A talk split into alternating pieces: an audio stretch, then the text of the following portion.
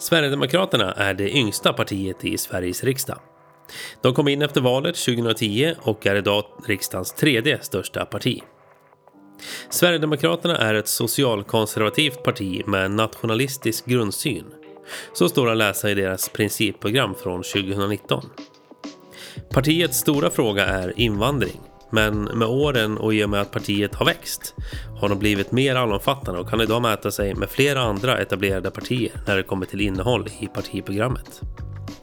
Med i podden för att förklara varför du ska rösta på Sverigedemokraterna är Sverigedemokraternas kommunalråd i Gävle, Mattias Eriksson Falk. Och eftersom Eriksson Falk är kommunalråd i just Gävle har samtalet en del fokus på Gävle.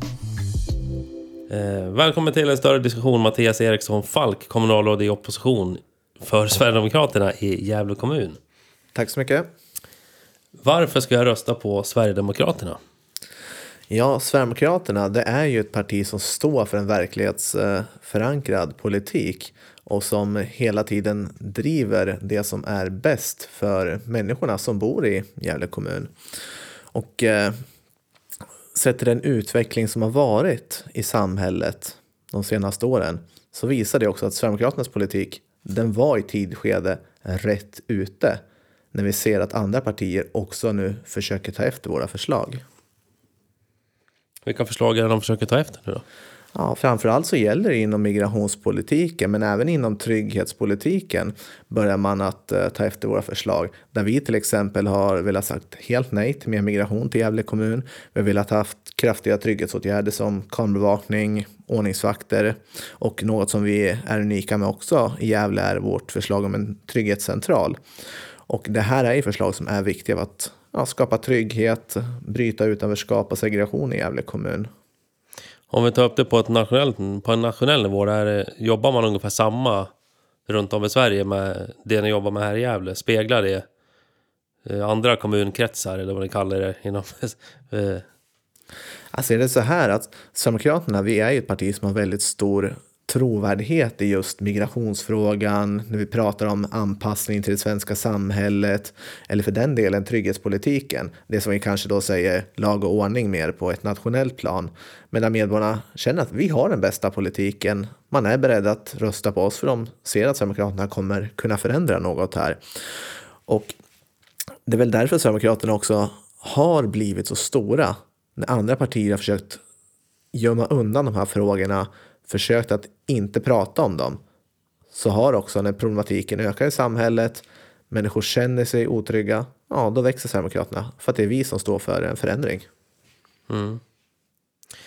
Jag tänker man kan kanske bränna av det på en gång, det som händer nu i, i påsk. Eh, jag tror ni själva formulerat det som korankravaller eller koran... Jag läste på hemsidan. Jag tror det var koran... Var det korankravaller? Sa jag rätt? Jag är osäker exakt ja. hur de har formulerat sig på hemsidan. Men eh, Ungefär så. formuleringen har förekommit i olika sammanhang. Ja, men i och med det så har ni släppt ett 30-punktsprogram. Och där det, jag har sett flera som skrivit om det. Det står gryningsräder. Och det låter ju ganska allvarligt ordet i sig. Eh, kan, skulle du kunna förklara vad det betyder? Vad det är för någonting? Vad en gryningsräd är? Ja, nu är inte jag helt insatt i exakt vad de här punkterna kommer mynna ut i för praktisk politik på lokal nivå, utan det där är ju främst en fråga för staten att hantera. Så att eh, det får vi lämna över till våra riksdagspolitiker att svara på. Ja, men du kan inte förklara vad en gryningsräd är? Ja, det, är inte jag som, det är inte vi i Gävle som har tagit fram det Nej. unika politiska förslaget och det är därför man måste då förklara mer vad det innebär. Mm. Vi hoppar över det då helt enkelt. Så Eh, verklighetsförankrad politik sa du i början. Vad är det för någonting? Då? Nej, men det är just en politik som ser de problem som uppstår i samhället i tidigt skede och har en politik för att direkt gå in och motverka. Till exempel just migrationspolitiken som jag nämnde. Vi såg vad som händer när människor kommer till Sverige, inte blir en del av svenska samhället, det vill säga man anpassar sig inte till det svenska samhället och hamnar just i utanförskap, segregation, man får inte ett arbete man får inte en utbildning och istället då riskerar att hamna i klorna på till exempel ja, kriminella gäng, organiserad brottslighet och därigenom bli fast i det här eh, problematiska levernet. Hur ska man komma till bukt med det? Ja, framförallt handlar det om att säga nej till mer migration såväl, som, eh, eller såväl till Gävle som till eh, eh Sverige. Vi har människor som har varit här i 10 till 15 år och där 45 procent i vissa mätningar fortfarande inte har fått ett arbete. Det är en oroväckande hö hög siffra att människor inte är inne i det svenska samhället. Det för att man kanske inte ställer några krav direkt? Det är ju dels det att man inte har ställt krav på att människor ska komma i egen försörjning, att man ska anpassa sig till det svenska samhället, till exempel genom att lära sig svenska språk och få en utbildning. Och istället har man egentligen nöjt sig med att människor har kunnat komma till Sverige och levt på bidrag. Eh, jag tolkar det som att ni, eh, er kritik ligger lite i att det, det finns liksom, det har aldrig funnits någon plan från regeringspartierna som har klubbat igenom den här migrationen som är nu då. Har ni en plan hur det ska... Eh, ja, men, ja men vi säger så här, om ni får egen majoritet i, i valet nu säger vi. Skulle ni ha en plan färdig då, så här ska vi lösa migrationskrisen? Ja, först måste man ju säga det att eh, den här problematiken med migrationen till Sverige det är ju inte något som regeringen enbart har skapat utan det är ju de övriga partierna i riksdagen som tillsammans och i samförstånd har skapat den här eh, ohållbara migrationspolitiken. Bland annat såg vi det 2015 när över 160 000 människor kom till Sverige. Men för, när det gäller just då att få människor att komma in i det svenska samhället, så anpassa sig till det svenska samhället. För det första så måste vi ha stopp för migration. Vi kan inte ta emot fler människor till Sverige. För det omöjliggör att vi faktiskt ska kunna få de som finns här att komma in i samhället. Och har man ingen vilja att faktiskt bli en del av det svenska samhället, att anpassa sig, ja, då måste vi börja kunna börja prata om åt, att man ska återvända hem. Alltså återvandring? Ja, precis. Hur ska det gå till rent praktiskt? Då? Det, det, kan ju vara olika delar. Till exempel skulle man ju lokalt kunna prata om i Gävle kommun att man eh, inrättar en funktion som eh, en återvandringshandläggare där man får stöd och råd och vilka förutsättningar som finns för att faktiskt kunna återvända hem. När det handlar om eh, nationell nivå då kan det handla om till exempel att det finns ett ekonomiskt bidrag för att man faktiskt ska lämna Sverige. Ja, alltså att man kan som om man kommer från ett annat land till Sverige så kan man ansöka om ett bidrag för att åka tillbaka där man kommer ifrån eller till något annat land. Ja, nej, att det finns ett stöd för att man faktiskt ska återvända ja, hem då i första hand, men det är, det är svårt att styra vad en person tar vägen när den lämnar Sverige. Men där så har man ingen uppriktig vilja att faktiskt bli en del av vårt land, att eh, komma in i samhället, ja, då måste vi kunna prata öppet om just att nu är det dags att återvända. Mm. Alltså, ni söker en debatt egentligen i den frågan? Ja, debatt utan, jag vet inte om man ska säga att vi söker en debatt, utan det här är ju konkret politik som måste till för att, eh, faktiskt det svenska samhället ska kunna fungera. Det är, det, kommer inte, det är inte hållbart och det kommer inte vara hållbart att människor inte kommer in i det svenska samhället. För det skapar ju massa följdproblem, till exempel bidragsberoende, just utanförskap, segregation, men också att man just riskerar att hamna i kriminalitet. Och det får inte samhället acceptera. Mm. Eh, om vi byter ämne lite grann. Jag tänker så här. Om man, eh, du och jag, vi bor ju i princip grannar. Vi bor i Gävle kommun. Det är en hyfsat stor stad. Men om man inte bor i en stad som Gävle kommun, vad är det, 100 000 invånare någonting ungefär här. Om man bor på landsbygden, vad får man då om man röstar på Sverigedemokraterna? Ja, framförallt så vill ju Sverigedemokraterna ha just en levande landsbygd. Och vad det innebär? Ja, det innebär till exempel att man ska ha skola, det vill säga man ska ha trygghet för sin familj, att barnen kan gå i skola där man bor. Att det handlar om att man faktiskt ska kunna pendla till arbete, att det finns bra vägar, att det finns goda möjligheter att kunna få en, till exempel en resersättning som man får för nationell nivå. Att man har råd att pendla till ett jobb. Men det handlar just också om att skapa förutsättningar för att den kommunala servicen ska finnas på landsbygden. Och där vi till exempel i Gävle kommun har föreslagit att vi ska inrätta en kommunal serviceenhet. Det vill säga att du ska kunna garantera om du bor i Björke, du bor i Bergby eller om du bor i Hedesunda att kommunens service ska finnas tillgänglig där. Till exempel genom att du kan boka in ett möte med socialtjänst, med eh, bygglovshandläggare eller med eh, näringslivsavdelningen och de kommer till dig där du bor och du får träffa en fysisk person. Det är det som är kommunal service, inte att du behöver göra en lång tidsödande resa in till centrala Gävle. Så det är bland annat vårt sätt i Gävle kommun för att bygga upp en möjlighet för att bo på landsbygden eller säga bo utanför tätorten. Så vilken service är det som saknas då på landsbygden? Ja, men det är till exempel att just kunna möta kommunens olika verksamheter i sin, i sin hembygd. Det vill säga att du måste idag åka in till centrala Gävle om du vill träffa socialtjänsten, om du vill träffa till exempel bygg och låshandläggare eller näringslivsavdelningen. Till exempel om du är företagare och vill prata med eh, personer som är ansvariga just för företagarfrågor. Med vårt förslag, då ska man kunna samutnyttja befintliga kommunala lokaler som finns på till exempel kvällstid. Att du kan boka in ett kvällsmöte med bygglovshandläggare och de får komma till dig där du bor för att underlätta just att få till det här mötet. Så jag tänkte så här också, det alla, de flesta partier, alltså jag skulle säga alla har väl det, olika målgrupper som man riktar in sig på, speciellt nu under valår. Eh, vilken grupp har ni svårast att nå? Ja, det beror på vad man menar med att eh, svårast att nå. För att Sverigedemokraterna, vi jobbar ju hela tiden aktivt naturligtvis med att må, nå så många grupper som möjligt i vårt samhälle. För vi, vi vill eh, presentera vår politik, vi vill vinna fler röster och naturligtvis växa som parti ytterligare. För det, med att vi växer så innebär det också att vi kommer kunna få ett större politiskt inflytande i våra frågor eh, efter valet.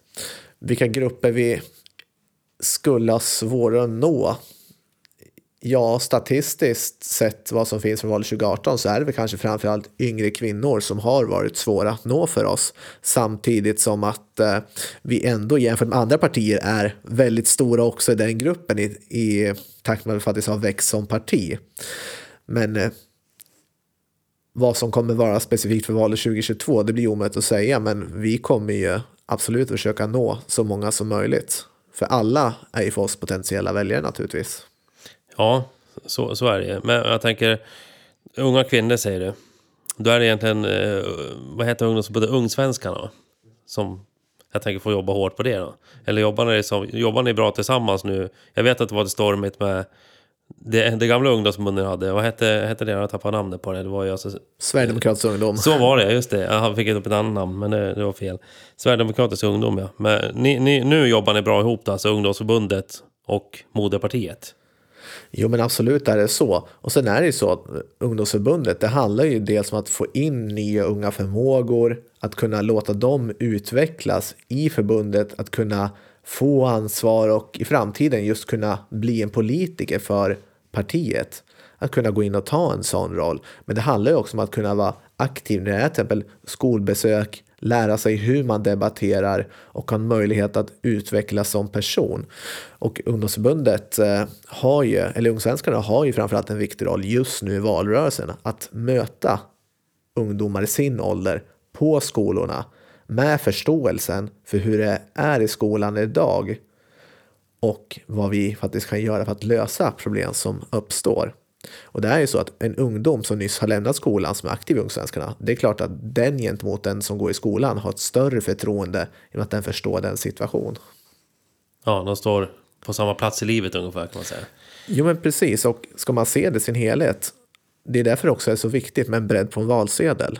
Det är viktigt att ha med människor från, hela delar, eller från alla delar i Gävle kommun, i alla olika åldrar, för det är så alla väljare också kan hitta en kandidat att rösta på och där får jag väl säga att jag är väldigt nöjd med den bredd som vi har på vår valsedel i till exempel Gävle kommun. Har ni fastställt valsedeln, eller valsedeln blir det till kommunfullmäktige Gävle? Ja, ja, valsedeln är fastställd. Ja, eh, även om jag tänker att det här ska vara en podd som är rikstäckande så kanske du kan säga ungefär, berätta lite hur bredden ser ut på er valsedel här. För jag, jag kan tänka mig att det speglar de flesta andra distrikt också.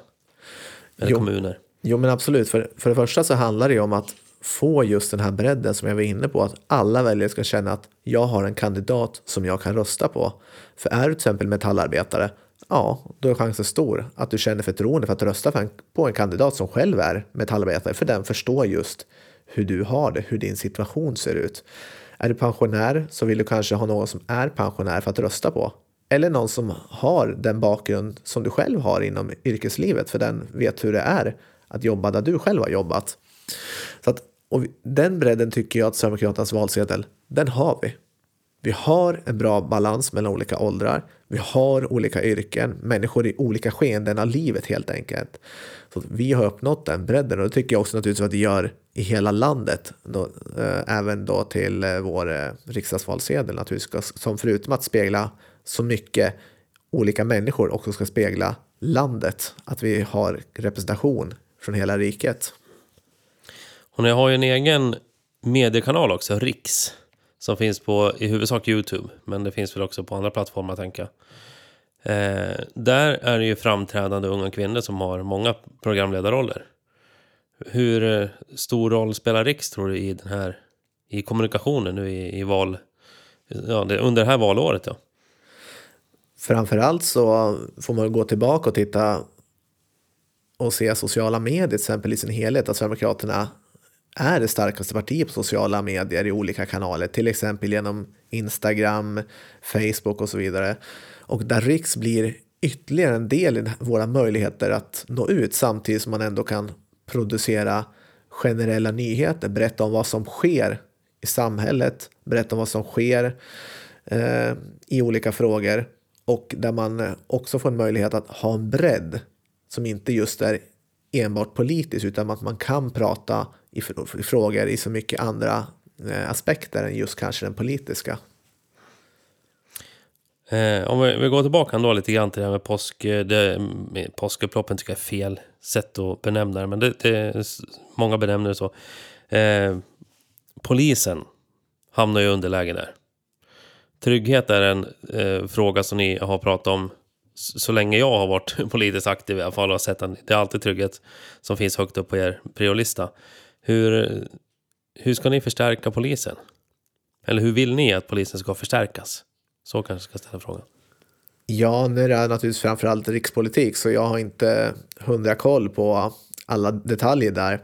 Men det bland annat har det handlat om att ge polisen fler verktyg i det brottsbekämpande arbetet som man gör. Till exempel för att komma åt den organiserade brottsligheten.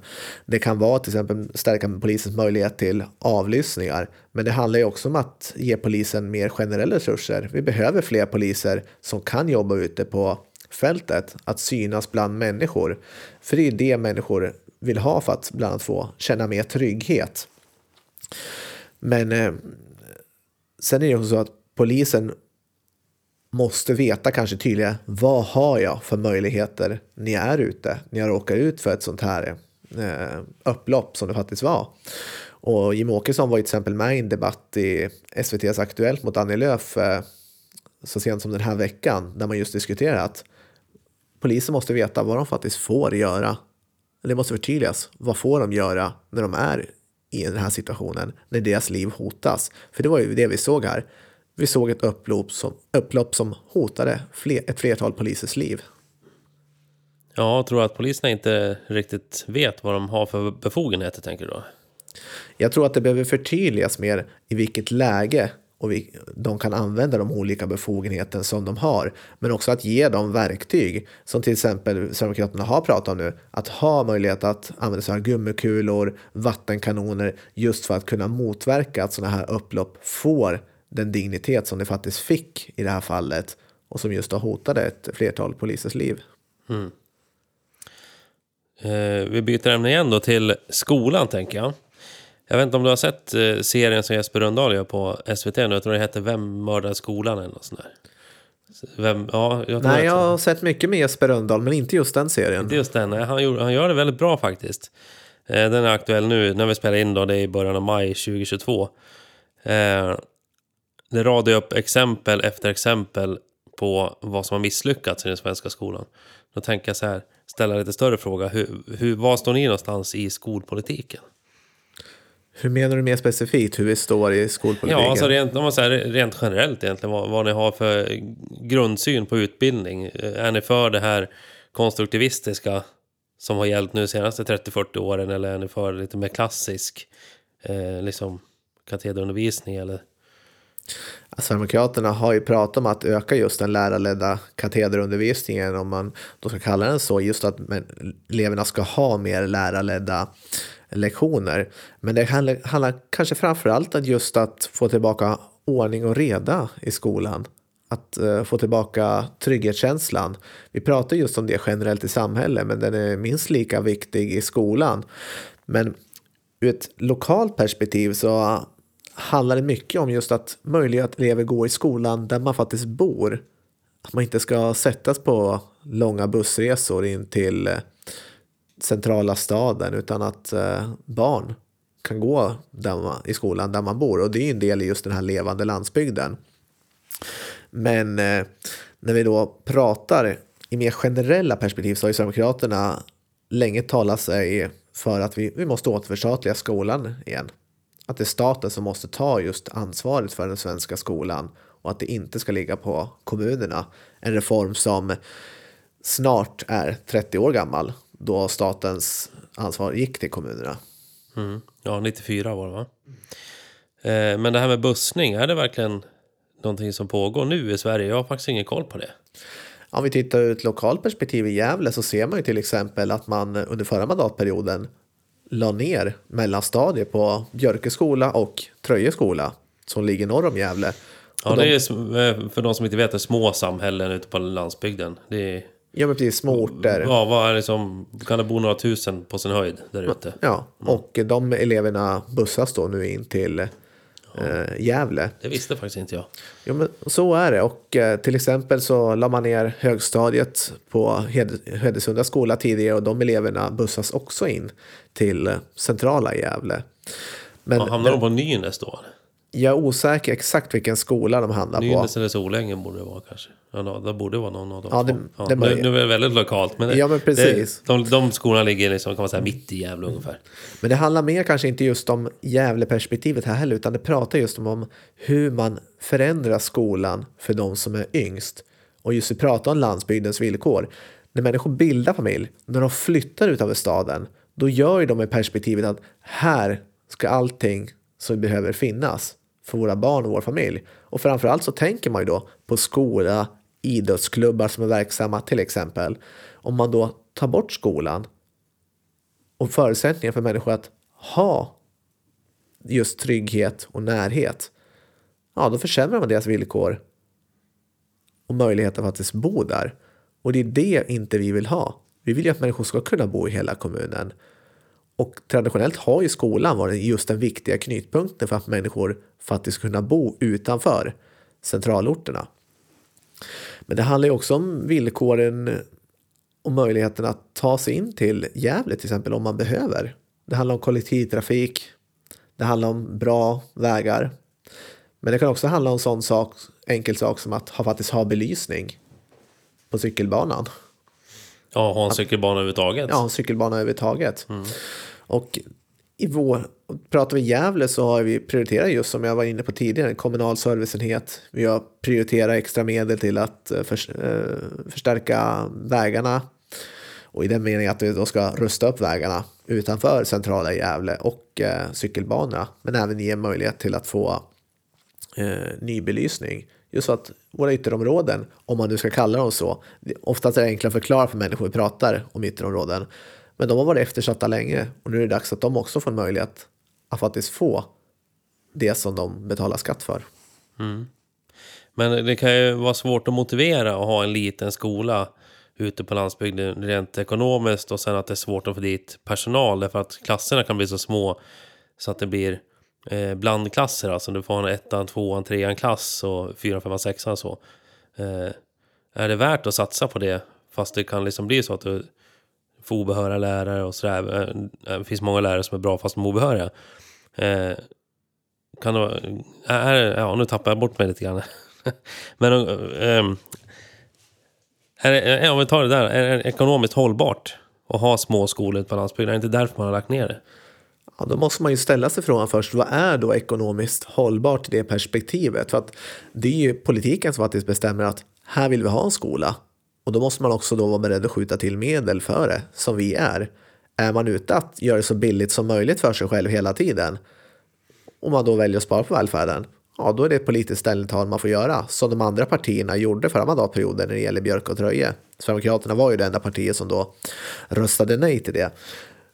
Men det handlar ju just som jag sa, att människor ska ha en möjlighet att leva och bo i hela kommunen. Och då måste vi också ha kommunal service, som till exempel skola. Och vi ska ändå komma ihåg det att blandklasser där man till exempel har en etta och tvåa eller ett, två, trea. Det är någonting som fanns även när jag gick i skolan i centrala Gävle. Så det var inte ovanligt att man hade blandade klasser även då, det vill säga olika åldrar. Och jag, jag ser egentligen inte det som något negativt i det perspektivet. Det handlar om att möjliggöra för barnen att faktiskt gå i skolan där man bor och inte i unga åldrar behöva åka in till centrala Gävle för att gå i skolan. Och då får man ändå komma ihåg det att tryggheten, det kanske är det viktigaste barn kan ha. Och att ha nära hem där man faktiskt bor och inte behöva åka bussen. Så att det finns inget ekonomiskt perspektiv för mig i den här frågan när det handlar om skolans vara eller icke vara. Ja, det kommer innebära att man får skjuta till pengar för att ha till exempel ett mellanstadie på Björkeskola eller Tröjeskola för den delen. Det kanske handlar om ett högstadium i Hedesunda. Men det är också det människor betalar skatt för, att faktiskt få välfärd. Och då tror jag att det finns betydligt mycket annat att spara på, som just till exempel migrationspolitiken och de följder eh, som finns av det. Till exempel där Gävle har väldigt stora utgifter för försörjningsstöd, det vill säga ekonomiskt bistånd. Där finns det mycket pengar som går ut eh, till personer som under väldigt lång tid inte har kommit in i det svenska samhället och borde egentligen kunna ha en egen försörjning, men inte har det. Mm. Man ska helt enkelt låta det få kosta lite. Ja, men välfärden, det måste vi säga, välfärden är ju en insats just för att skapa ett samhälle där alla faktiskt har möjlighet att leva. Och eh, ska vi se det ur det perspektivet att det måste få kosta, skulle vi inte till exempel ha det kommunalekonomiska utjämningssystemet, om vi ska bli väldigt tekniska här nu, ja då är det väldigt få kommuner som skulle gå runt ekonomiskt. Jag tror det är åtta eller nio kommuner som betalar in systemet, framförallt Solna och Stockholm.